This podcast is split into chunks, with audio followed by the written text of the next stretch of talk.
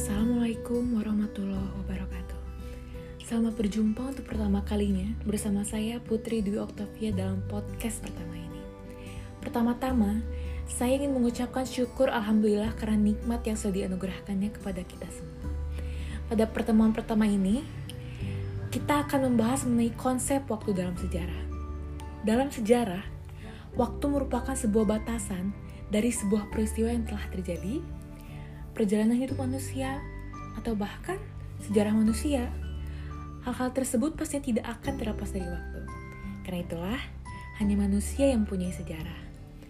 Konsep waktu dalam sejarah pun meliputi dua hal.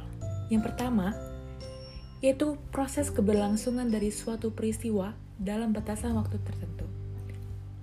Dan yang kedua, kesatuan kelangsungan waktu, seperti masa lampau, sekarang, dan masa yang akan datang the past, present, and the future. Konsep waktu memiliki kaitannya dengan manusia dan ruang. Contohnya saja, peristiwa pelaksanaan proklamasi kemerdekaan Indonesia, di mana unsur manusia adalah Soekarno sebagai pembaca naskah proklamasi, unsur ruang di mana peristiwa itu berlangsung di halaman rumah Soekarno di Jalan Pegangsaan Timur nomor 56 Jakarta, dan unsur waktu yang menyangkut kapan peristiwa tersebut berlangsung, yaitu 17 Agustus 1945. Setelah mengikuti podcast ini, diharapkan Anda sekalian dapat memahami konsep waktu dalam sejarah. Demikian podcast pertama ini.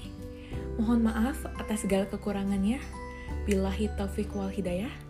Assalamualaikum warahmatullahi wabarakatuh.